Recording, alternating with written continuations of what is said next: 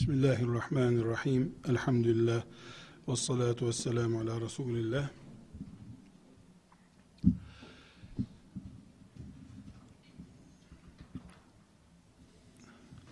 Değerli kardeşler, şu elimdeki gözlük benim için kaç para eder diye bir soru sorulsa benim bir günüm ve gündüzüm kaç para ediyorsa bu da o kadar para ediyordur derim.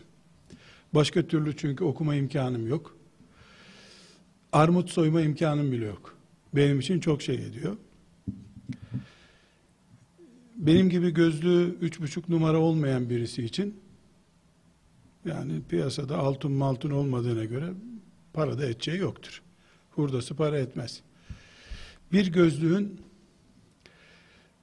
ona bakan göze göre fiyatı olduğu gibi bu gözlük bir yere düştüğü zaman onu sahiplenme, düşmemesi için uğraşma, bunun üzerine ihtimam gösterme açısından da herkese göre farklı. Ben bu gözlüğüm cebime bile koymuyorum, namazda düşer diye korkuyorum. Daha böyle güvenli bir yere koyuyorum. Çünkü bir yolda bir yerde camı çıksa bir sıkıntı olur diye korkuyorum. Masamda bir yedeği var, evimde yedeği var, arabamda yedeği var, ne olur ne olmaz diye. Benim için hayat bu çünkü. Ya da hayatımın mükemmeli parçalardan birisi. Ama bu gözlüğüne bir bakayım diye alan bir çocuk için kırılsa da bir zararı yok bunun. Onun için fiyatı da ucuz. Buna ihtimam göstermeyi gerektirecek alakası da basit. Bu gözlük için geçerli olan kural bir çocuğa, gence bakan göz içinde geçerli. Kocasına bakan kadın için de geçerli. Hanımına bakan göz sahibi erkek için de geçerli. Eşiyle evlenme maksadı filan uçuk niyet olan bir erkeğin veya kadının eşi üzerindeki tasarruflarında o derin amacı görmemek mümkün değildir. Babasının malına tamah ederek çocukla veya kızla evlenen veya delikanlı ile evlenen bir damadın, bir gelinin aile hayatında bu derin amacı hissetmediğimizi asla söyleyemeyiz. Çok büyük bir uzmanlık da gerekmez. İlk bakışta asıl maksadın başka şey olduğu çok rahat anlaşılır. Evlilikte de böyle, çocuk olayında da böyle, tıpkı bu gözlük örneğinde olduğu gibi. Bir Müslüman için 3 yaşında, 5 yaşında, 10 yaşında veya 20 yaşında ya da Baba 95 yaşında, oğlu 60 yaşında, 70 yaşında. Bu yaş rakamlarını tamamen kaldırarak konuşuyorum. Yani bu sözlerim 95 yaşında bir babanın, yaşayan bir babanın 70 yaşındaki oğlu için de söylenmiş bir söz. Yeni evlenmiş 22 yaşında bir delikanlının 2 aylık çocuğu için de geçerli bir söz. Annenin babanın çocuğa bakan gözü. Tıpkı bu gözlük olayında eşlerin birbirleriyle evlenmelerindeki derin amaçlar hususunda olduğu gibi ebeveynin anne ve babanın çocuktan ne beklediği çocuğun varlığını ve çocukla kendi arasındaki irtibatı nasıl değerlendirdiğini önemseyerek baktığımızda herkesin esasen kendi amacına mugayir de olsa çocuk. Yani ben A türü çocuk istiyorum dediği halde B, C, D türlerinden çocuk bulmuş olsa bile 20 sene sonra 30 sene sonra kendisi 95 yaşında oğlu 70 yaşındayken bulsa bile çocuğa bakan mantık çocuğu tefekkür eden düşünce tarzı itibariyle Mümin için yeryüzünde çocuktan dolayı husran yoktur. Mümin çocuğundan dolayı bu bakış tarzını özellikle vurguluyorum biraz sonra izah edeceğim. Mümin asla zarar etmez. Bunun açıklamasını yapacağım. Onun için böyle bir giriş yaptım.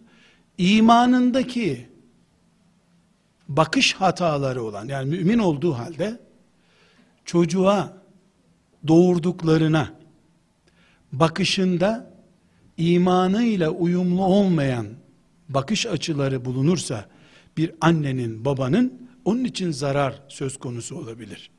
O çocuğu namaz kılmadığı zaman zarar edebilir. O çocuğu doktor olmadığı zaman zarar edebilir. Hafız olmadığı zaman zarar edebilir. Ne istiyorsa daha doğrusu. Ama gerçek bir mümin, Allah'ın baktığı gibi bakabilen bir mümin ki her mümin böyle bakmak zorundadır. Oğlu Allah'ın son gemisine binmeye karşı çıkan asi bir peygamber çocuğu bile olsa zarar etmez. Hiçbir şey zarar etmez. Çünkü Allah'ın kulları üzerindeki temel yasası kullarını becerebildikleriyle değil, becermek için gayret ettikleriyle değerlendirmektir. Eğer Allah becerebildiklerimizin üzerinden kullarını değerlendirecek olsaydı, hangi müminin namazı Cebrail aleyhisselam efendi tarif ettiği namaz gibidir? Hangimizin orucu midemizin, gözümüzün, kulağımızın aynı anda tuttuğu oruçtur? Mideni aç bırakıyorsun, gözün aç kalmıyor. Kulağın aç kalmıyor, dilin hiç aç kalmıyor. Herkesin Allah'a kulluk için yaptığı şeylerde bir eksikliği muhakkak vardır. Bu eksiklik de tabiidir. Beceriler konusunda. Peygamberler için bile geçerlidir bu. Peygamberler bile Kur'an'daki örnekleri tahlil ettiğimizde görüyoruz ki peygamberler bile peygamberliğin ifasında yani Allah'ın yüklediği peygamberlik görevini ifa etmede sabır, sebat, gayret, yılmama, 50 yıl sonra aynı sebat, 100 yıl sonra aynı gayret, 400 sene sonra aynı gayret, 700 sene sonra ilk günkü heyecan, 900 sene sonra ilk günkü heyecanla devam ettiklerini gördü Allah. Dolayısıyla peygamberlik konusunda asırların çürütemediği bir sebat gösterdi peygamberler. Aynı peygamberler çocukları konusunda, peygamberliğin tahakkuk etmesi istenen alanlar konusunda muvaffak olamadılar. 20 kişiyle Allah'a gittiler. Köy başı bir kişi düşmeyecek kadar zayıf bir nüfusla Allah'a gittiler. Sadece Peygamber aleyhisselam Efendimiz ve Yunus aleyhisselam on binlere hitap ederek bu dünyadan gitti. On binlere hitap etmek çok bir peygambere nasip olmadı. Kendi ailelerine söz geçiremediğine gittiler. Berbat bir hayat tarzı olan, berbat kelimesini daha kötüsüyle ifade edemeyeceğim için söylüyorum. Berbat bir hayat tarzı olan peygamber hanımı olmakla şereflendiği halde bunu berbatlıkla değiştiren kadınların kocaları olarak ahirete gittikleri halde kınanmadılar. Kınanmak bir kenara o kadınlarla, o çocuklarla e, mücadele içinde bir hayat geçirdikleri için de ünlüler arasına girdiler bizim modern deyimimizle. Yani başarısızlıkları adeta çocukları, aileleri üzerindeki e, mükellefi bulundukları toplumları üzerindeki başarısızlıkları, onlara zulüm olarak dönen başarısızlıkları şöhretlerine neden oldu. Bu nedenle biz e, yani peygamberler üzerinden sadece ki e, bu peygamberlerin hayatına dair e, incelemeye bile gerek bırakmayacak Kur'an ayetleri ve Efendimiz sallallahu aleyhi ve sellemin hadisi şeriflerinden de yola çıkarak diyoruz ki kulun becerebildikleri değil becermek için uykusuz kaldığı projeleri değerlidir. Çünkü becermek esasen kulun elinde değildir. Eğer kulun elinde olsaydı, hani biz bir hacca gidip dua ediyoruz. İşte hacca gidince çoluk çocuğumuz için dua ediyoruz, eşimiz için dua ediyoruz, mübarek gecedir diye dua ediyoruz. Ve bunu çoluk çocuğumuzun üzerindeki nüfuzumuz, e, planlarımızın tahakkuku açısından e, bir dua gibi algılıyoruz. Hangimizin Kabe'de veya başka bir yerde yaptığı dua bir peygamberin teheccüd vakti gözyaşları içerisinde çocuğu için yaptığı dua ile benzeşebilir. Allah bu duadaki beklentilerimize bakıyor. Peygamberlere de öyle yaptı. O beklentilere bir puan veriyor. Bu puan kesinlikle ahiretteki dirildiğimiz zaman karşımıza çıkarılacak sonuç tablosudur. Elbette bunu bir dipnot olarak zikredip bir kenara çekelim. Yani kulun heyecanlı bir yerde Arafat'ta dua yapılıyor. Orada dua eden de ya Rab bize Hamza gibi evlatlar nasip et diyor. Heyecanlı bir yerde ben o kadar istemem çocuğumu ciğerlerini görmek istemiyorum diyemeyeceği için anne baba amin diyor. Melekler de amin diyen 500 kişiyi sayıyorlar. Bu da içinde var. Bu amin başka bir de ciğeri parçalanarak bana da Hamza nasip et ya Rabbi diyen bir annenin duası, babanın duası başka. Yani bu dualarımızın sloganlaşmasının camideki e, top sahasında futbolculara tempo tutturanlar gibi amin diye bağırmaların bir değeri yok Allah katında. Çünkü Allah sağırın duyduğu gibi duymuyor. Yüreklere hitap ediyor. Yüreklerden alıyor Allah. Samimiyetimiz dilimizin söylemesine gerek kalmadan içimizdeki sevdalar, hasretler Allah için e, bir tahakkukunu beklediğimiz, tahakkuku için uykusuz kaldığımız sonuçlar olduğundan bunlar kıyamet günü karşımıza çıkacak. Aksi takdirde peygamber 950 sene e, ümmeti için uğraşmış bir peygamberin 82-84 kişiyle Allah'a gittiğini düşünün 20 seneye bir kişi düşmüyor. Yani bu peygamberin tayin ücretine değmez bu.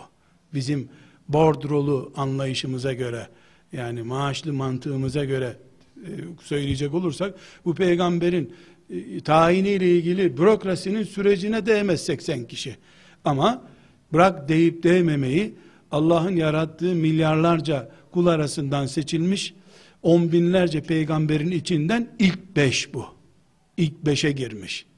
İlk beşe girmiş, beş çarpı on kadar da ümmet yok etrafında. Ama 950 sene kullandığı halde bitmeyen bir enerji, bir heyecan, ilk gündeki sebat, aşk büyük işe yaramış. Bu sebeple tekrar cümlenin başına döneceğim ama bu altyapıyı iyi vurgulamak istiyorum kardeşler.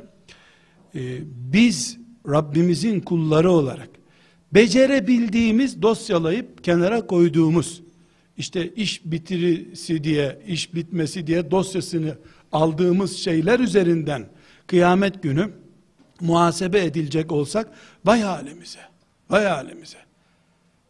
Cihadı yapamıyorsun, şehadet sıkıntısı var. Köprüler, camiler, medreseler yaptıramıyorsun, çocuğunu evlendireceğim, paraya ihtiyaç var. E, kitap yazıyorsun, okuyan olmuyor.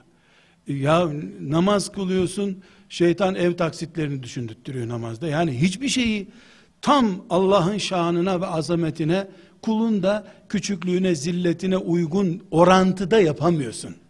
Evet, sana göre muhteşem şeyler. Yani bu yaşta maşallah ne tavaf etti dedirtiyorsun. E 84 yaşında Medine'den e, veya 80'den daha da yüksek yaşlarda Medine'den Konstantinye'ye gelmiş Halid bin Zeyd'in tavafına bakıyorsun. Sen e, şemsiye ile Kabe'nin etrafında 100 metre tur atmışsın. O da 4000 kilometre yol kat etmiş oradan oraya kadar. Çöl şartlarında erzak yok, bir şey yok. Yani bakıyorsun ki e, ne yaparsan yap klimalı şartlarda yapmışsın zaten. Zaten hep astronomik e, masraflar yaparak yapmışsın. Senden daha iyisini yapan var. Ama ortada bir fark var ki Adem Aleyhisselam'dan yeryüzünde yaşayıp nefes verecek Allah diyecek son insana kadar Allah bütün kullarının bütün amellerini gerçekleştirmeyi istedikleri derin düşüncelerine göre değerlendirecek. Bu büyük bir müjdedir. Zaten bu da olmasa bizim kulluk e, kapasitemiz e, Allah'ın rızasını kazanıp cennete girmeye muvafık değil. Peygamber aleyhisselam efendimizin hadisi çok meşhur kardeşler. E, kimse yaptığı şeylerle cennete giremez diye uyarınca sen de mi ya Resulallah sen de mi diye sorulduğunda ben bile ben bile Allah'ın rahmeti beni kuşatacak da cennete gireceğim.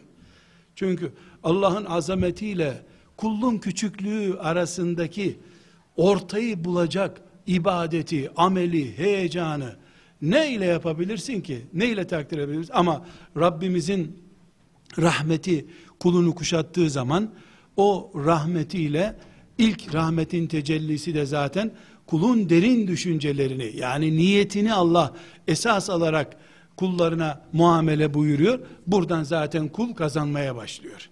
Yap, bitir işi, mühendisler gelsin, iş bitirliğini onaylasınlar, al cennetten karşılığını deseydi Allah, dünyadaki bizim e, müteahhitlik şartlarımıza göre yani müteahhit nasıl iş yapıyor da noterdeki muvaffakatnameye göre iş bitirince imzalanıp tesellüm belgesi veriliyor. Öyle yapsaydı Allah Teala vay halimize. Vay ilk namazda zaten faciamız ortaya çıkardı. Çünkü ilk namazda acaba buna melekler onay verecek mi diye düşünürken yanlış bir rekat eksik kılardık muhakkak. Yani ilk namazda giderdik biz. Elhamdülillah ki Rabbimizin kullarını değerlendirmesinde bu rahmetin büyüklüğü vardır. Bunun için Allah'a şükretmek, hamd etmek, Rabbimizin rahmetinin gerçekten azabını dahi kuşatacak kadar ne kadar derin ve büyük olduğunu bundan mütalaa etmiş oluyoruz. Şimdi bu giriş bölümünden sonra kardeşler gençler ve çocuklar üzerindeki konumuza gireceğiz ama bir giriş daha yapmam gerekiyor. Şimdi kardeşler bir baba bir çocuğuna nasıl bakmalı? Bir anne bir çocuğuna nasıl bakmalı? Çünkü bu bakış tarzı bu bakış tarzı oğlumu namaz kıldırtamıyorsun bir baba bir anne olsam bile beni yarın iyi bir anne, iyi bir baba olarak Rabbimin huzuruna çıkaracak. Bu bakışım benim. Bu beklentilerim benim. Çocuğumdan ne istemeliyim ben? Ya da ne için çocuk sahibi olmalıyım? Bu sorunun elbette birinci cevabı ben kimim? Ben Türkiye Cumhuriyeti yasalarının verdiği hakkı kullanarak, babamın da emekli parasını biriktirdiği emekli parasını alarak, düğün yapıp evlenmiş A vatandaşı. O da annesinin biriktirdiği paralarla çeyiz biri almış, filanca B vatandaşı yasaların bize verdiği hakları ve belediye başkanının da gücünü kullanarak evlilik cüzdanı almış iki vatandaş mıyız? Eğer buysa bizim kendimize bakan gözümüz. Biz kimiz? Ben kimim? Bu evin annesi, babası olarak ben kimim diye eğer bu mantıkla bakıyorsam yani meşru birleşme yapmış bunun adına evlilik denmiş, nikah denmiş. Meşru birleşmemiz var. A ile B bir araya gelmiştir. Bu A ile B'nin bir araya gelişinde iki hidrojen bir oksijenden su olduğu gibi ana ile babadan da çocuk olmuş. Damla damla da düşmüş toprağa. Bu sathi bakış bir bakış tarzı. A bu bunu bir bakış tarzı olarak bir kenara koyuyoruz. Öbür kenarda bir başkası da Allah Allah, alemlerin Rabbi Allah, kendisine secde edilsin diye insan yarattı ve secdeyi çok şerefli gördüğü için, secdeden daha şerefli bir şey görmediği için Allah, secde edebilme kabiliyetini de sadece insana verdi. Sonra da insanı insandan başkası üretemeyecek diye de kanun koydu. Tüpüne bombasına rağmen insan insandan gelecek çaresi yok. Nesiyle oynarsan oyna insan insanla gelecek dedi. Böyle bir kanun koydu. Dolayısıyla Allah yeryüzünde esas sonucu secde ile toprağı güllendirme secde ile alnınla toprağı buluşturma ya secde vasıtasıyla toprakla insanın alnını buluşturma projesi diye bir projesi var Allah'ın. Bunun için milyarlarca insan yarattı. Ve bunu insandan başkasına da tahsis etmedi. Bu projede Allah pek çok kulu arasından kendisine iman eden bir miktar kulunu seçti. Bunlar benim bu projemin elemanlarıdır dedi. Bu iş içinde kanunlar koydu. İndirdiği Kur'an'ın ilk sayfasından itibaren son bölümlerine kadar bu projenin yürütülmesi için yeryüzünde yaşaması gereken insanın ortaya çıkacağı evliliklerin, evliliğin sürdürülmesinin ve bu yeni insan üretme, yeni secde malzemesi, secdeci eleman üretme projesinin şefi, şef yardımcısı olarak da beni belirledi Allah. Dolayısıyla ben anne baba olma hazzından önce yani bir yavrumuz var onu kucağımıza bağrımıza bastık gibi edebiyattan önce Allah'ın projesine seçilmiş bir elemanım. Bu da B kategorisi. Bir evlendik, çoluk çocuğumuz olacak, sünnet ettireceğiz, okula göndereceğiz, askere göndereceğiz, iş sahibi olacak, doktor olacak, ben de yaşlanmış olacağım ve beni bedava muayene ettirecek. O tanıdığı doktor arkadaşları olacak, biz hastanede sıra beklemeyeceğiz. Ee, bir bu güruh var. Adem Aleyhisselam'dan beri böyle. O zamanlar hastaneler yoktu Adem Aleyhisselam zamanında ama tarlada çalıştırmak içindi bu proje esas. Bir de Rabbim yeryüzünde şeytana karşı dev bir proje başlattı. Bu projeye Allah herkesi kabul etmiyor. Başta peygamberleri grup başı olarak seçti. Peygamberlerin peşinden giden saç seçkin ve saygın kullarını Allah proje elemanı olarak mülakat sonucu kabul etti. Bu mülakatın şartı da Allah mülakat şartı olarak da bir araya gelmeniz için kefil ben olacağım dedi. Çünkü şirkete dahil oluyorsunuz. Bu şirketin ürünlerinde sizin imzanız olacak. Siz bu şirkette kimlik kartı taşıyacaksınız. Nikahınız benim adımla kıyılacak dedi. Allah'ın adıyla kabul ediyor musun bunu? Allah'ın adıyla beğendin mi diye sorulacak. Evet Allah kefilimdir. Ben bunu alıyorum. Eş kabul ediyorum derseniz onaylı olacak. Yoksa korsan bir iş yapmış olacaksınız demeye gelen bir mülakat da yapıyor Allah Teala. Bu mülakat sonucu, bu mülakat sonucu yani anne adayının ve baba adayının işe alınmasıdır bu. Hangi iş?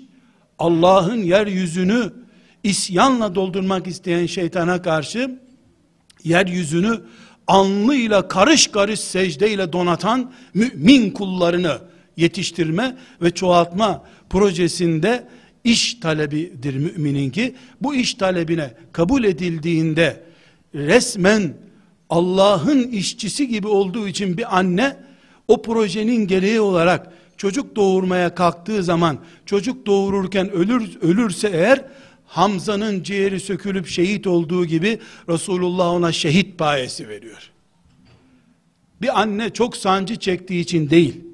Aynı anne arabanın altında bin parça olduğu zaman ona şehit demiyor Allah. Ama çocuk doğururken ölürse kadın buna şehit diyor. Çünkü Allah'ın projesinin gerçekleşmesi için yapılmış bir eylem esnasında o ölüm Allah adına ölümdür. Çünkü kadının biraz sonra izah edeceğimiz gibi kadının çocuk doğurmak, anne olmak, anneciğim denince canım, yavrum, tatlım deme hazzını yaşamak değil asas gaye. Bunlar annenin dilinde şeker gibi, bayram şekeri gibi şeyler.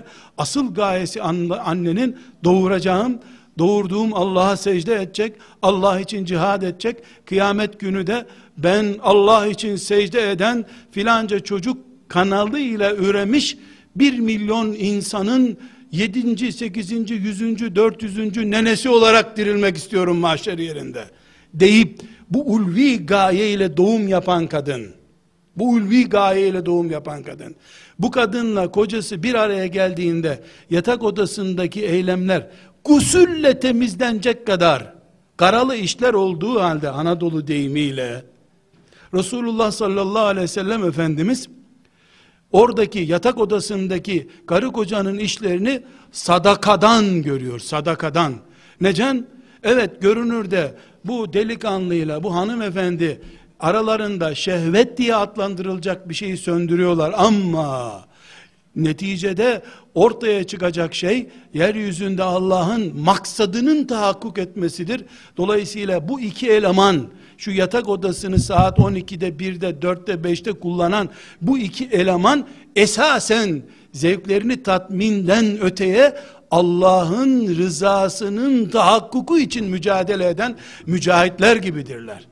Dolayısıyla onların yaptığı iş sadakadır. Bunun için Kur'an-ı Kerim, bunun için Kur'an-ı Kerim Ramazan orucundan, Allah'a ibadetten, zikirden, cihattan bahseden ayetlerin arasında Ramazandan bahseden, Ramazandan bahseden ayetlerin arasında yatak odası fonksiyonu size helal olsun diyor. Benim böyle Türkçeleştirdiğim bir uslupla Kur'an çok daha net bir uslupla bunu söylüyor. Çok daha net söylüyor. Helal olsun. Uhille lekum. Size helaldir Allah'tan bu. Ramazan gecesi üstelik. Neden? Görünürde siz böyle kendi şehvetinizin peşinde sürükleniyor gibi görünüyorsanız da asıl o değil. Asıl yeryüzünde iffet korunuyor.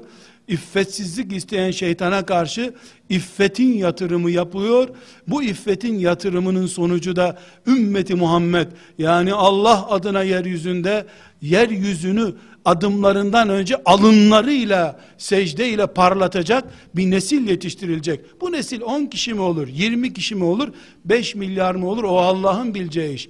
Ama bir ana, bir ana Hadice anası ise eğer o, Fatıma anası ise, o Asiye gibi bir ana ise, Meryem gibi bir ana ise, insanlık kadar rahim genişi, taş, genişliği taşıyan bir anadır o. İster ki bin çocuk doğurayım her gün, yılda milyon çocuğum olsun, her biri de Allah'a secde etsin, kıyamet günü ben bu farkla dirileyim düşünür. Bu da ikinci girişimizdi kardeşler.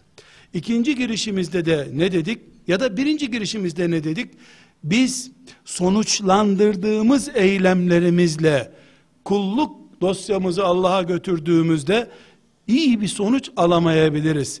Ama derin düşüncelerimiz, Rabbimizle baş başa kaldığımızda Rabbimize ispat ettiğimiz samimi duygularımız.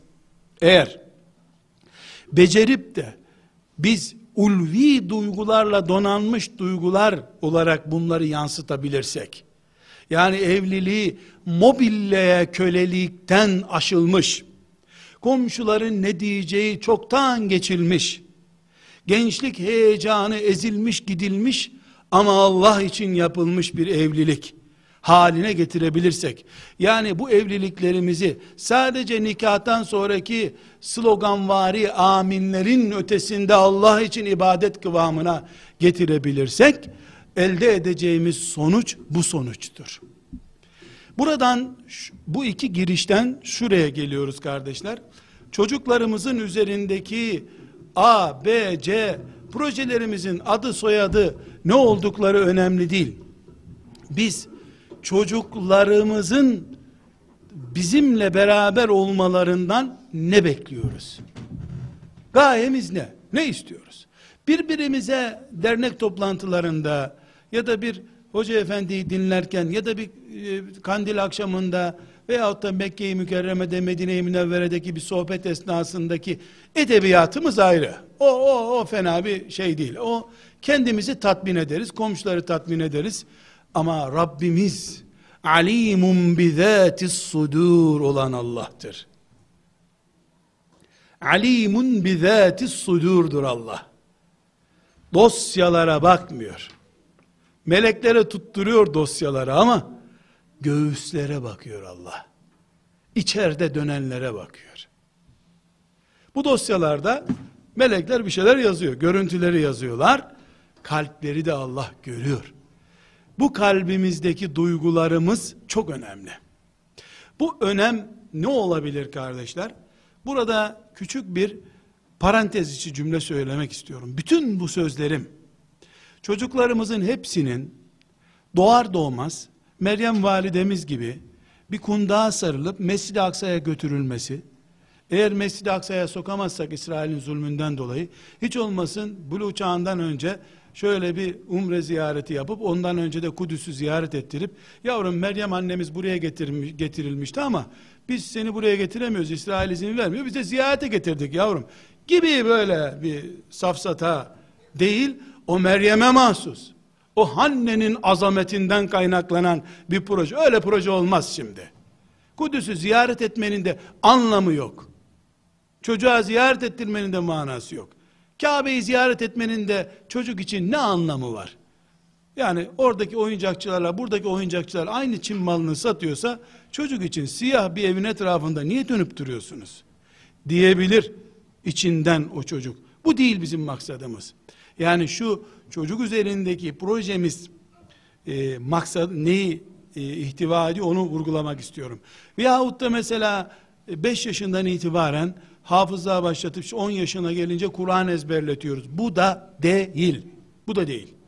Ya da 4 yaşından itibaren peçe taktırıyoruz. 15 yaşına geldiğinde nenesiyle aynı duruma geliyor. Bu da değil. Bu da değil. Ya da evimizde her duvara çarşaf resmi asıyoruz. Çarşafın yanında da kalın sakallı, simsiyah sakallı bir erkek resmi.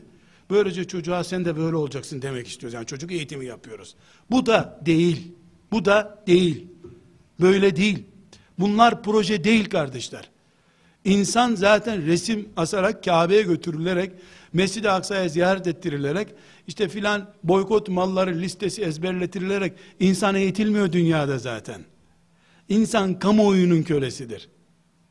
Kamuoyunu oluşturmadığın sürece evden başlayan, sokakla devam eden ve devletin en üst kademesinde yansıyan dünya çapında izi bulunan bir kamuoyu oluşturmadığın sürece çocuğun hafız olması insan yetiştirmenin yüz basamağından bir tanesidir. O bir tanesi de şifre değildir aslında.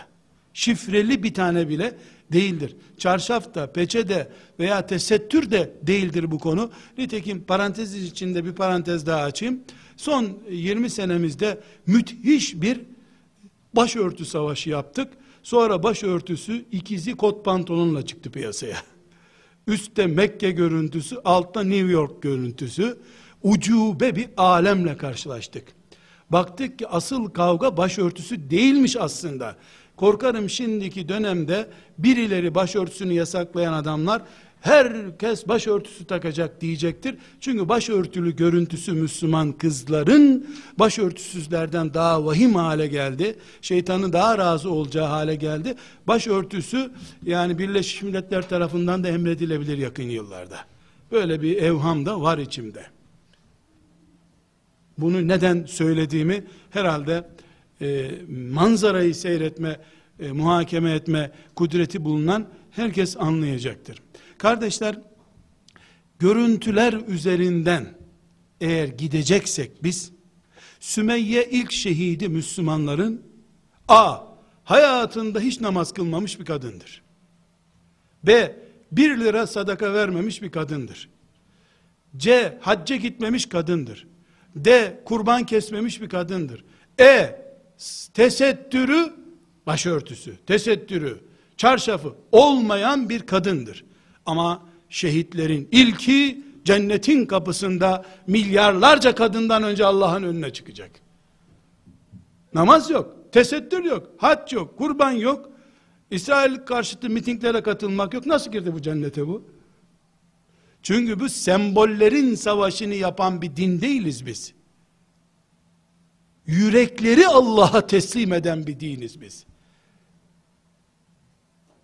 Hamza radıyallahu anh şehit olduğunda içki bile yasaklanmamıştı. Alkol serbestti.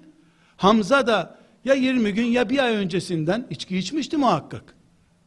Ashabın kadınları şuraları buraları açık vaziyette Peygamber aleyhisselamın önüne çıkıyorlardı.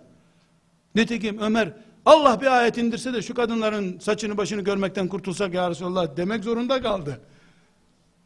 Ama Hicretin 6. senesinde Allah tesettürü emretti. 6. senesine kadar Uhud'da, Bedir'de, şurada burada şehit olan sahabiler, normal eceliyle ölen Osman İbni Mazun radıyallahu anh, bunlar cennete uçarak girdiler. Başörtüsüyle girmediler. başlarını örtmeye değil, koparmaya bile hazır kafayla Allah'ın önüne çıktıkları için.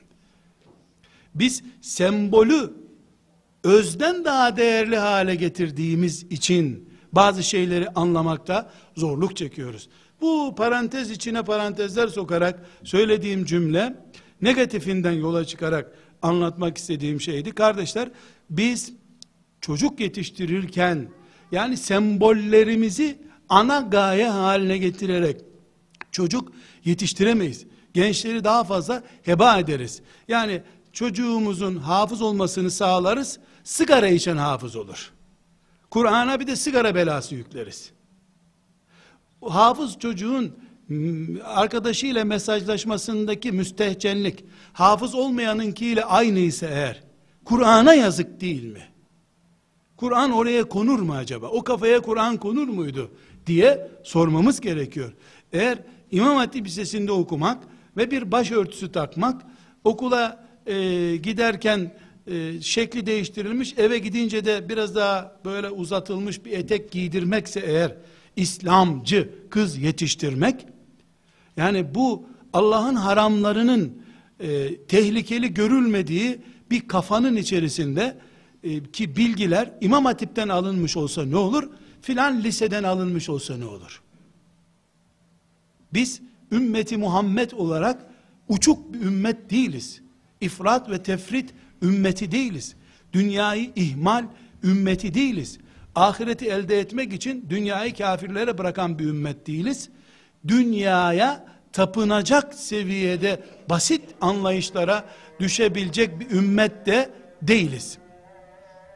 Çocuklarımızın, gençlerimizin, olgun yaştakilerimizin uçuk noktalarda kalıp ahireti elde etmek için dünyayı ihmal etme, dünya elimden gitmesin diye ahireti çarçur etmek gibi bir ayrıntılara dalmadan yetiştirilmesine biz çocuk yetiştirme, genç sahibi olma diyoruz. Bir annenin, babanın ilk baştan beri söylediğimiz esaslara dikkat ederek yani ne istiyor Allah'tan, ne arzu ediyor? Ki bu arzusu samimi bir görüntü verdiği zaman Allah arzusu sayesinde ona kıyamet günü karşılık verecek. Velev ki dünyada cani bir çocuğun babası olsun. Velev ki dünyada e, namaz niyazı olmayan bir çocuğun babası olsun. O yine o bak arzusunu yaptığı şehadet için, e, abidlik için, zahitlik için yatırımını yaptığı çocuğun karşılığını almış olsun. Kardeşler, e, hafızlık diye bir kelime kullandım sözlerim arasında. Tesettür diye bir kelime kullandım. Haşa. Bunları tahfif etmek, basit almak gibi imansızlıktan kaynaklanan bir şeyi kastetmediğimi lütfen takdir ediniz. Yani bunlara yığılıp kalmanın hedeften sapmak olacağını vurgulamak istiyorum. Biz kardeşler bir örneği hiç unutmayalım. Sonra asıl mevzum olan ne yapmamız lazıma geçeceğim inşallah. Şu kainatta Allah'ın kulları arasında Muhammed aleyhisselamdan daha değerli birisi var mı acaba? Yok. Ne peygamber ne melek. Yok oğlu yok. Bitti. Muhammed aleyhisselamı Allah'ın yarattığı kulları arasında Ebu Bekir'den daha fazla seven birisi var mı? O da yok. Çünkü Ebu Bekir'in o aşkına Kur'an şahit. Peygamber şahit. Bütün ümmet bir kenara, melekler bir kenara, Ebu Bekir bir alem. Muhammed Allah'ın sevgilisi aleyhissalatü vesselam, Ebu Bekir radıyallahu an o sevgilinin sevgilisi. Nitekim çok iyi bildiğiniz bir vaka, bunu teyit için söylüyorum. Hani Efendimiz'e Amr ibn As bir yerde soru soruyor. Kimi seviyorsun ya Resulallah diyor. Kalabalık bir erkek grubu Ayşe mi diyor. Yani burada kadın meclisi değil ya Resulallah biz erkekleri kastettik. Deyince babasını diyor. Yani ailevi ilişkilerde Ayşe dünya içinde insan seçerken babası Ebu Bekir. Şimdi Kur'an buna şahit, tarih şahit. Kıskanan kıskansın, çatlayan çatlasın. Kardeşler, oturup müminlik ölçüsü öğreneceğiz şimdi. Şu aşkıyla delirdiği Muhammed vefat etti. Aleyhissalatü vesselam. O cesedi orada bıraktı. Gitti. Müminlerin lideri kim olacak diye 3 saat 4 saat toplantı yaptı. Seçildi lider, kendisi veya başkası neyse seçildi, geri geldi, şu cenazeyi kaldıralım dedi. Yapabilir miydik babamız için bunu? Bir insan o sevgiye rağmen oturup bir iki saat ağlamaz mı her şeyden önce? Biraz ağla, boşal, sonra işte başın sağ olsun deyince insanlar gidersin, işini de halledersin. Hayır. Ebu Bekir, Muhammed Aleyhisselam'ı seviyordu. Hiçbir insanın bir peygamberi sevmesinden ölçülemeyecek kadar daha fazla bir sevgiyle seviyordu. Ama Muhammed'in davasını ve dinini daha fazla seviyordu. Onu da dininden dolayı seviyordu zaten. Dolayısıyla o cesetten önemliydi Muhammed'in bıraktığı din. Önce o dini koruma altına aldı. Bu nedir? Demek ki bazen müminler hafızlığı bir kenara koyabilirler. İman davası öne çıkar. Başörtüsünü bile bir kenara koyabilecekleri bir gün olabilir. Boşu boşuna başlar örtülüyor ve baş örtüsü bir maske olarak kullanılıp başın içi felsefeye, fısku fucura teslim ediliyorsa başörtüsünden önce davalar var demektir. Örneği bunun için veriyorum. Şimdi kardeşler biz Resulullah sallallahu aleyhi ve sellemin hayatından da örneklendirerek, ashab-ı kiramdan da bir örnek vererek çıktığımız bu yolda önceliklilerimizi yani ilk öncelerimizi tespit ettiğimiz bir genç projesi üretebiliriz. Bu genç projesini müsaade edin ben çocukluktan başlatmak istemiyorum. Tabiinden birine birisi gelmiş, efendi selamun aleyküm demiş. Benim bir yavrum doğdu demiş. 6 aylıktır. Nasıl başlayayım din eğitimine demiş. Bana ne tavsiye edersiniz? Efendi demiş. Buna verebileceğim bir cevap yok.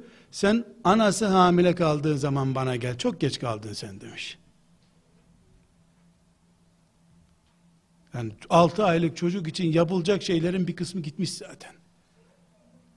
Peygamber ise aleyhissalatü vesselam hamilelikten önce başlatıyor bu işi. Kendinize doğru dürüst tarla seçin diyor. Yani ana eğitimine geçin diyor. Şimdi Kur'an ezberlemesiyle meşgul bir işimiz olduğu için işte sık sık geliyor hocam 3 yaşında çocuk için ne yapayım ben onu sana teslim edeceğim hafızlık için diyor. Anasını medreseye gönder diyor. Anası bir medreseye gitsin. Çocuk 5 yaşına kadar anası okula gitmeli. Nereye gidecekse o çocuk. Çocuk için ne hayal ediyorsan anası gitsin. Çocuk anasının kokusu bile o çocuk için yetecek. Bu meselenin özü böyle. Biz burada kardeşler bir mümin olarak sembollere takılıp kalmıyoruz. Bu Ebu Bekir radıyallahu anh'tan verdiğim örnek çok hassas bir örnek. Çok riskli de bir örnek. Bu riski üzerime alarak, tahammül ederek bu örneği veriyorum. İsteyen bunu istediği gibi olumsuz bir şekilde de kullanabilir. Bunu bildiğim halde bu örneği veriyorum. Ama biz Ebu Bekir'in iman ettiği dine iman ettik. Biz Ebu Bekir'in kafasından daha sağlam bir kafayla müminlik yapamayız. Yeri geldiğinde böyle bir tercih de var bizde kardeşim. Ümmetin başı bu adam ilk halife ve böyle bir uygulama yapmış. Herhalde burada da bir bildiği vardı ki Allah ondan razı olsun. O gün öyle yapmasaydı biz La Allah yani Allah başka esbab yaratırdı da İsa aleyhisselamdan sonraki Hristiyanlığa çoktan uğramıştık. Kardeşler çocuklarımızı yetiştirmede ki çocuk tekrar ediyorum doğum öncesine kadar gidiyor çocuk bizde ilerisi yok yalnız sen sağsan baba olarak 110 yaşındaysan çocuğun da 90 yaşındaysa çocuk ve baba olarak devam ediyor bu oyun demektir. O evlenmiştir. Onun da torunları olmuştur. Sen hala baba değil misin? O torun sahibi olunca hükümet nüfus dairesi senin babalığını siliyor mu nüfus kaydında? Örf siliyor mu? E, babasın. Babasın. Ku enfusekum ve ehlikum sana hitap ediyor hala. Kendinizi ve çocuklarınızı koruyun diyen ayete muhatapsın. Adın baba olduğu sürece. Girersin toprağın altına o zaman bayram ettin. Edebilirsen. O da işte o derin düşüncelerle toprağın altı bayram yerine dönüşebilir. Kardeşler, birinci protokolümüz, ana protokolümüz bilgili çocuk yetiştireceğiz. Bu bilgi taharet bilgisidir, teknoloji bilgisidir. Namaz bilgisidir, uzay bilgisidir. Oruç bilgisidir, fen bilgisidir. Bu bilgi hac bilgisidir, mühendislik bilgisidir. Bilgi insanın dünya veya ahiret mutluluğuna katkıda bulunan güç demektir. Bu fense fen, tıpsa tıp, Kur'ansa Kur'an, şeriatsa şeriat. Bu bilginin iki boyutu var. Bir temel altyapısı vardır. Çarpım tablosu gibi, toplama çıkarma işlemi gibi. Mühendis de olsam, bakkal da işletsem bunlar bir insana lazım temel matematik bilgileridir. Fen fakültesinde matematik profesör olacak birisi için de ciltler dolusu matematik lazımdır. Abdest, taharet, namaz, Kur'an-ı Kerim'in iki dakikada bir sayfasını yalnızsız bakarak okuyacak kadar Kur'an bilgisi, namazda kılacak kadar, namaz kılmaya yetecek kadar ezber, her müminin çarpım tablosu gibidir, toplama çıkarma işlemi gibidir, bilinecek. Hac nedir, oruç nedir, adak nedir, boşama nedir, nikah nedir? Bunlar çarpım tablosu gibi bilgilerdir. Ama yarın öbür gün allame olmak için elbette bu bilgiler çarpım tablosu gibi olacak. Ondan sonra yüzlerce cilt kitap okuyacaksın. Birincisi bilgili nesil yetişecek. Bu bilgide matematikle Kur'an ayrımı yapamayız. Matematikte ve Kur'an'da uzmanlık ayrımı yapabiliriz. Bu da babanın hobilerine göre, annenin hobilerine göre, dayısı doktor oldu da işte ailesini ihya etti. Alt kattakilerin bir tanesi uçak mühendisi oldu. Şimdi parayı koyacak yer bulamıyorlar gibi. Uçuk, uçuk ve insani olmayan temennilerle çocukları herhangi bir bilim dalında branşlaştıramayız.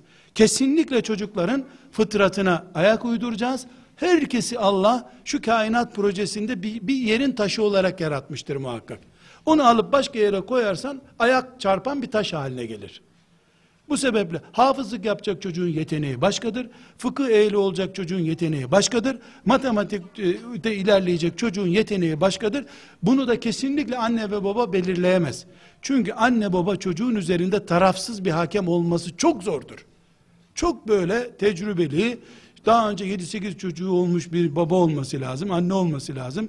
Pedagojide uzman birisi olması lazım ki rahat konuşsun. Anne ve baba kendi çocuğu üzerinde e, otoriter, hakim karar veren kimse olur ama objektif değerlendirmekte zorlanabilir. Bunun da bilimi var. Hafız olmasını istiyorsan, alim olmasını istiyorsan, alim birine götürürsün, onun üzerinde değerlendirme yaptırtırsın. Fen, pedagoga götürürsün, fen bilgisini çocuğunu ölçtürürsün, sosyal kimliğini ölçtürürsün. Birinci mihenk taşımız kardeşler, bilgili çocuk istiyoruz. Ama bilgiyi ayrıntılarına böldüm. İkincisi muvazeneli çocuk istiyoruz. Buna dengeli çocuk da diyebiliriz. Muvazene ile ne kastediyorum? Muvazene denge demek. Dengeli akidesi olan çocuk isterim. Ebu Bekir'i sevsin, Ebu Bekir'e tapmasın ama. Peygamberimi anasından, babasından, kainattan çok tutsun, ama peygambere uluhiyet aşılamasın. Dengeli, akidede bile dengeli. Ümmetimin büyüklerini sevsin, şeyh efendileri sevsin, onlara hürmet etsin. Alimlerin önünde dizüstü otursun, ama filan şeyh beni cennete götürecek demesin. İlahlık vermesin şeyhe. Akide denge akidesidir. Ne buyuruyor Peygamber aleyhisselam Efendimiz? Hristiyanların İsa'yı putlaştırdığı gibi siz de beni putlaştırmayın. Peygamberimizi bile putlaştırmak yok. Allah'ı Allah olarak Celle Celaluhu. Peygamberi peygamber olarak, sahabeyi sahabe olarak, müştehit alimlerimizi müştehit alimler olarak, cami imamını cami imamı olarak, şeyhi şeyh efendi olarak, mümini mümin olarak, kafiri zındığı kafir olarak, herkesi yerine oturtan bir akidesi olsun. Birisini alıp öbürüne ifrat etmesin. Ya faizsiz bir zamanda mıyız ne diyorsun diyerek akidenin en önemli yasaklarından birisini de hafif görmesin. Haramı haram, helali helal olarak görsün. Muvazenenin birinci unsurudur. Ahlak, dengeli ahlak istiyoruz. Dengeli ahlak. Çok ahlaklı bir çocuk karısından dayak yiyor bol bol. Niye? E karılara vurulmaz diye de başını eğiyor. Hadi böyle mezardan çıkmış erkek bu. Böyle olmaz. Karıyı ses çıkarttırmıyor. Maşallah aldım ayağının altına kadın e, üstünden tanker geçmiş gibi oluyor. O da zalim. Ahlak istiyoruz. Ahlak paskalyalık değildir. Ezilmişlik değildir. Onurdur ahlak. Ahlaklı çocuğu biz kimseyle ilişmeyen, işte bakkal paranın üstünü vermese bile ayıp tartışmayayım yaşlı amcayla diyen biri zannediyor. Bu ahlak değil, bu ahlaksızlıktır. Parasının üstünü alamayan çocuk ahlaksız çocuktur. Ahlak, insan onuru olarak bir onur kabul edip o onurla yaşamanın adıdır. Anasının önünde mum. Mum. Babasının önünde mum. Çocuklarının önünde merhamet abidesi. Ama harama bulaşan bir çocuğun önünde merhameti filan yok hiç. O zaman kesildi bir ağaç oldu. Ahlak budur. Nerede ne yapacağını bilmektir. El öper mi? Öper. Ayak öpmez. Ayak öpmek ahlaksızlıktır çünkü. Büyüğün elini öpmek ahlaktır. Örfe göre söylüyoruz. İbadette denge istiyoruz. 10 yaşında çocuğu teheccüde kalkıyor, teheccüde kalkıyor. İkindiye kadar sersem sersem dolaşıyor, ders çalışamıyor. Yavrum sen niye ders çalışamıyorsun? Bu matematik niye zayıf? Niye hafızlık ezberlemiyorsun? Yani ben Allah'a adadım kendimi, teheccüde kalkıyorum. E bu Kur'an kimin kitabı? Bunu kim iyi amel edecek? Teheccüde kalkmak da bir denge işidir. Uykusu yerinde olan ve gündüz yorulmayan birisi kalksın, kışın kalksın, yazın kısa gecelerinde kalkmasın. Teheccüde kalkmak da bir aşırılık olabilir. Üniversite imtihanına hazırlanıyor çocuk. Zekası var. Ümmeti Muhammed'e hizmet etmek için filan yere oturtacağız bu çocuğu diye bekliyoruz. Beyefendinin puan almaya vakti yok. Neden? E, Perşembe, pazartesi orucu kaçırmıyor. Her perşembe günü de deneme imtihanlarında düşük puan alıyor. Oruçlu bu zat çünkü. Olmaz. Senin orucun çalışman orada. Kardeşler Abdullah İbni Mübarek'ten de nakledilen ve diğer e, Allah dostlarından benzerleri nakledilen bir söz çok önemli. E, bir cihat hareketinde gece molası vermişler ya da gece cihat edemiyorlar savaş yani savaş yapıyorlar ateş yakmışlar ateşin etrafında mızraklar kılıçlar ellerinde nöbet bekliyorlar işte birisi diyor ki orada e, Allah'a hamdolsun diyor ne kadar mübarek bir pozisyondayız yani Allah için cihat ediyoruz cihat ederken de böyle işte tir tir titriyoruz Kur'an-ı Kerim buna ne diyor ribat diyor ribat halindeyiz. Orada Abdullah ibn Mübarek diyor ki bakın arkadaşlar diyor. Şu anda evinde serin yatağında yatan bir Müslüman var ya diyor. Herhangi bir Müslüman. Gece kalkıp çocuğunun üstündeki yorganı açılmıştır diye yorganını örtüyor ya çocuğuna hizmet ediyor. O bizden daha mübarek bir iş yapıyor. O ümmete nesil yetiştiriyor diyor. Çocuğa hangi gözle baktığını gösteren bir tabi'in sözü bu. Cihat ki daha üstünü yok ama onun gözünde bir çocuğun yorganını örtmek, çocuk aman üşümesin diye daha değerli, daha faziletli. Burada kardeşler bakış tarzımız çok önemli, dengemiz çok önemli. Mümin olarak dengeli yaşamak zorundayız. Yani ibadette de denge olur mu? İbadette de denge olur. İbadette dengeyi koruyamadın mı ibadet batırır seni zaten. İbadet de senin ayak kayma nedenlerinden birisi olabilir. Kardeşler bir dengeli nesil yetiştireceğiz dedik ya bir denge unsuru da dünya ahiret dengesidir. Hep biz ashab-ı kiramı fakirlik karınlarına taş bağlamışlar filan diye telakki ediyoruz ya. Kardeşler servetlerini koyacak yer bulamadığı zamanlar da oldu ashab-ı kiramın. Olmayan zaman sabrettiler. Olunca da şükrünü yaptılar mallarının. Dünya elimizde olmasın diye bir şey yok. Bütün dünya Beş tane müminin elinde olmalıdır ki şu yeryüzünde parayla Allah'a isyan edilmesin. Ya leyt bir gün gelse şu dünyada da AVM'lerde silah kontrolü yapıldığı gibi bıçak var mı üstünde diye kontrol yapıldığı gibi kadınların üstü aranıp da hanımefendi bu kıyafetle erkeklerin dikkatini çekersiniz buraya giremezsiniz. Şöyle bir dendiği günü de göreceğiz mi bu dünyada ya? De görürüz Allah'ın izniyle. Para Allah'tan korkan yüz tane zenginin eline geçtiği zaman o zenginlerin AVM'sinde de binde bir oranında ucuzluk ilan edersin. Alim Allah peçeyle gelir kadınlar hiç merak etme sen. Peçeyle gelirler. Bu paranın gücüdür yeryüzünde. Yani müminler fakir fukara sefalet içerisinde yaşasınlar demiyoruz. Ne diyoruz ya? Dünya müminlerin elinde olsun, ahiretten kırparak değil. Ahiretin değeri kadar ahirete, dünyanın değeri kadar da dünyaya veren mantığa sahip olsun, dünya müminin olsun.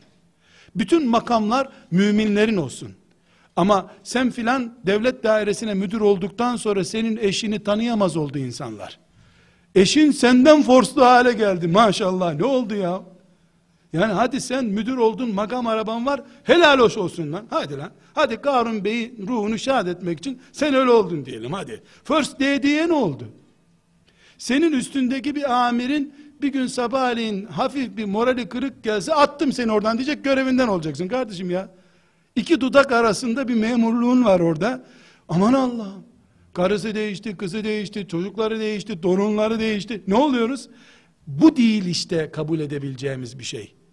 Ama sen, hilafette durduğun günlerde bile özel işlerini gör, gördüğün zaman kendi mumunu yakacak takva sahibiysen sana bütün dünyanın saltanatı helal olsun vallahi. Helal olsun. Dünya dengesi istiyoruz. Ve kardeşler dedik ki bilgili, muvazeneli yani dengeli genç istiyoruz. Üçüncü nokta olarak da abid genç istiyoruz. İbadet ortamını yaşayan genç istiyoruz. İbadet namaz değildir. Asla. Namaz, oruç, hac bunlar ibadet çeşitleridir. İbadet kulluk kıvamında yaşamak demektir. Kulluk kıvamında. Ezan okununca ezanı hatırlıyorsun. Ah ibadet o. Abid mümin oldun. Ramazan gelince orucu hatırlıyorsun. Faizi görünce de Allah'ı hatırlayıp el uzatmıyorsun. Abid genç bu işte. İffetle ilgili bir sıkıntıyla karşılaştığında Allah'ı hatırlıyorsun. Ben Allah'tan korkarım diyorsun. Karşı cins kendi eliyle senin ayağına düşüyor. Mesaj gönderiyor. Sen cevap olarak ben Allah'tan korkarım diyorsun. Yedi büyük kıvamdaki kaliteden bir tanesini yakaladın sen. Abid genç bu demek. E biz bilgili genç istiyoruz. Muvazeneli genç istiyoruz. Abid genç istiyoruz. Ve dördüncü projemize esas olacak dördüncü temel iffetli genç istiyoruz. İffetli kelimesini namuslu diye tercüme etmek istemiyorum. Namus Türkçe'de çok kısır bir manada anlaşılıyor. Erkeğin bin suçu olsa gene delikanlı oluyor. Kızcağızların yarım suçu, suçu işlese namussuz oluyorlar. Erkek de namussuz olur, namussuz olur aslında. Namus bir e, dosya ise yani bu dosya bembeyaz olduğu zaman namuslu, üzerinde bir çizgi olduğu zaman namussuz deniyorsa insana kadın için de geçerli, erkek için de geçerli bu ama her halükarda örfün kullanımına dikkat ederek ben öyle kullanmayayım bu kelimeyi. İffetli genç istiyoruz. İffet iki şeyde kardeşler. Bir belde, bir cepte. Beli ve celi, cebi iffetli olacak. Burada annelik babalık devreye girecek. Yani bir çocuğu biz mesela e, yaşı benim yaşımda olanlar yani 50'nin üstünde yaşı olanlar harçlık nedir? Baba oğluna ne verir, verir mi bir şey diye bilinen şeyler değildi. İşte tarlada çalışırsın, çalışırsın, çalışırsın, ayağını yılanlar sokar, kışın bir lastik alırlar sana. Al sana baba harçlığı bu işte. Şimdi böyle yetişen nesil olarak Tam tersi bir nesil yetiştiriyoruz. Çocuk istesin diye ricalar ediyoruz çocuğa. Çocuk mesela çok iyi eve girerken selamun aleyküm babacığım dedi. Aman Allah'ım bu çocuk allame oldu herhalde bir iPad. Çocuk yazın camiye gitti araba. Ondan sonra Allah'tan uçakları falan koyacak özel havaalanları falan yapılamıyor. Yoksa her sınıf geçtiğinde bir uçak çocuğa. Bu çocuk 20 yaşından sonra ne alacak bu dünyada Allah aşkına ya? Biraz da mal hırsı bırakmak lazım çocuklarda. Bu neyin pedagojisidir? Hangi mantığa göre insanoğlu bunu geliştirdi? Bunu anlayamıyorum. Hele Müslümanlarda aman ya Rabbim. Vermenin bir... E bir de ne diyorlar? E peygamberimiz çocuklara merhametli davranın dedi. Ulan peygamber çocuğuna iki hurma veremeden gitti bu dünyadan. Onu niye örnek almıyorsun? Zavallı çocuk mescitte bir hurma yiyordu. Bırak yavrum bırak bırak biz peygamber ailesiyiz yemeyiz bundan diye. Müslümanların sadakasından yedirtmedi onu. Yani çocuklarımızın mal oburu, obezite, mal obezitesi olarak yetiştirilmesi de bir çılgınlık. Servetin kenara koyuyorsun, banka yetişmiyor sana, cebinde 7-8 tane banka kartı var. E çocuğa 5 kuruş harçlık da vermiyorsun. Bu da yanlış. Yani bir çocuk ailenin yüzde kaçına tekabül ediyorsa, babalık heybeti, annelik otoritesi, üç çocuk, dört çocuk, babanın harcamaları, annenin harcamaları, bunlar döndükten sonra artan da babanın servetinin yüzde üçüne tekabül ediyorsa, örnek olarak veriyorum, yüzde üç e, çocuğa harçlık verilebilir her ay. Mesela 2000 lira girdisi olan bir aile reisi, babanın, annenin harcamaları, evin toplam giderleri gibi benzer yatırımları çıktıktan sonra kalandan haç parası ayırıyoruz, şunu ayırıyoruz derken artan 300 liranın yüzde üçünü 30 lira ay başı çocuğa verir. Yani her aile kendisine mahsus böyle bir hesap limiti oluşturabilir. Böyle bir harçlık verilir ama sınırsız bir harçlık olur mu ya? Yani kaç tane istiyorsanız o kadar denek alın. Babaların ve annelerin telefonlarını alın, çocukların telefonunu alın. E, hiçbir babanın çocuğu çocuğundaki telefon kadar e, bir değerli telefon taşıyamıyor babalar. Bu çocuk büyüyünce ne yapacak? Ancak mal israf ederek, çalarak tatmin olacak. Helali bitiriyorsun çünkü. Helale yani uçsuz bucaksız bir e, ufuk açıyorsun. E, çocuk 7 yaşında, 70 yaşında dedesinin kullanmayı değil, açmasını bilmediği bilgisayarla oynuyor. Dede böyle mahzun mahzun bakıyor. Yavrum bu nedir? Hitler'in zamanında icat edilmiş tank dedikleri şey bu mudur? Zavallı dede duyar da ajanslarda böyle bir aletler çıkıyor. Çocuk bir şeyle dönüp duruyor oralarda. Yani bir ucube dünyaya doğru geldik. Aynı şekilde kardeşler e, iffet konusundaki iki bel ve cep iffeti gerekiyor çocuklarımızı. Kur'an kursuna da veriyorsan, liseye de veriyorsan, işe de veriyorsan, şu sistemde yetiştireceğim diyorsan hatta hatta çocuklarımızı da esas alarak biz filan semte taşınıyoruz filan yerden ev alıyoruz derken çocuklarımızı muhakkak düşüneceğiz onların geleceğini düşüneceğiz. Çocuklarımızın oradaki cep ve bel iffetlerinin ne olacağını düşüneceğiz. Hatta burada çok enteresan bir örnek vereyim arkadaşlar. Eğer dikkatinizi istirham ediyorum mübalağalı görebilirsiniz ama lütfen siz e, takdir edin eğer ben bir mümin baba olarak mesela İstanbul'dan Antalya'ya giderken bir akraba ziyareti, bir ma makul ve meşru bir ziyaret için giderken İstanbul havaalanındaki rezillikleri çocuğumun ne kadar görüp ne kadar etkileneceğini panolarından orada anadan uryan ahlaksız cehennemden çıkmış erkeğiyle kadınıyla rezil bir anlayışla havaalanında bilet sırasına girildiğinde işte güvenlik sırasına girildiğinde göreceği manzaraları çocuğumun hesap etmeden hava yolu bileti alıyorsam bu çocuklarımın geleceğine dair iffet endişesi taşımadığımı gösteriyor. Bir çocuğun bir hava alanında etkilenişi çok ciddi bir süreç kardeşler. Yaz mevsiminde arabalı vapurlara bile binildiğinde çılgınlaşmış bir insan güruhu, insan isimli bir güruh çocuğunun gözü önünde sergileniyor. Annesi tesettürlü, çocuk anasının tırnaklarından başka bir şeysini görmemiş, ana iffetli, tesettürlü, babasını çamaşırlarıyla hiç görmemiş hayatta, ama çocuğu bir havaalanına götürüyorsun, iki saat orada çocuk bir manzaralar görüyor ki, ulan benim anam babam başka mahluk herhalde. Bir özürleri var ki bunlar hiç soyunmadılar. Hani Musa aleyhisselama Yahudiler melun İsrail oğulları yaptılar ya, Ulan Musa sen hiç iç çamaşırlarını çıkarmıyorsun. Demek senin genetik bir sorunun var dediler. Kur'an'la öğreniyoruz benim. Kur'an söylüyor. Sen de genetik bir sorun olmasa sen de çamaşırını çıkarırdın demişler. Yıkanırdın bizimle.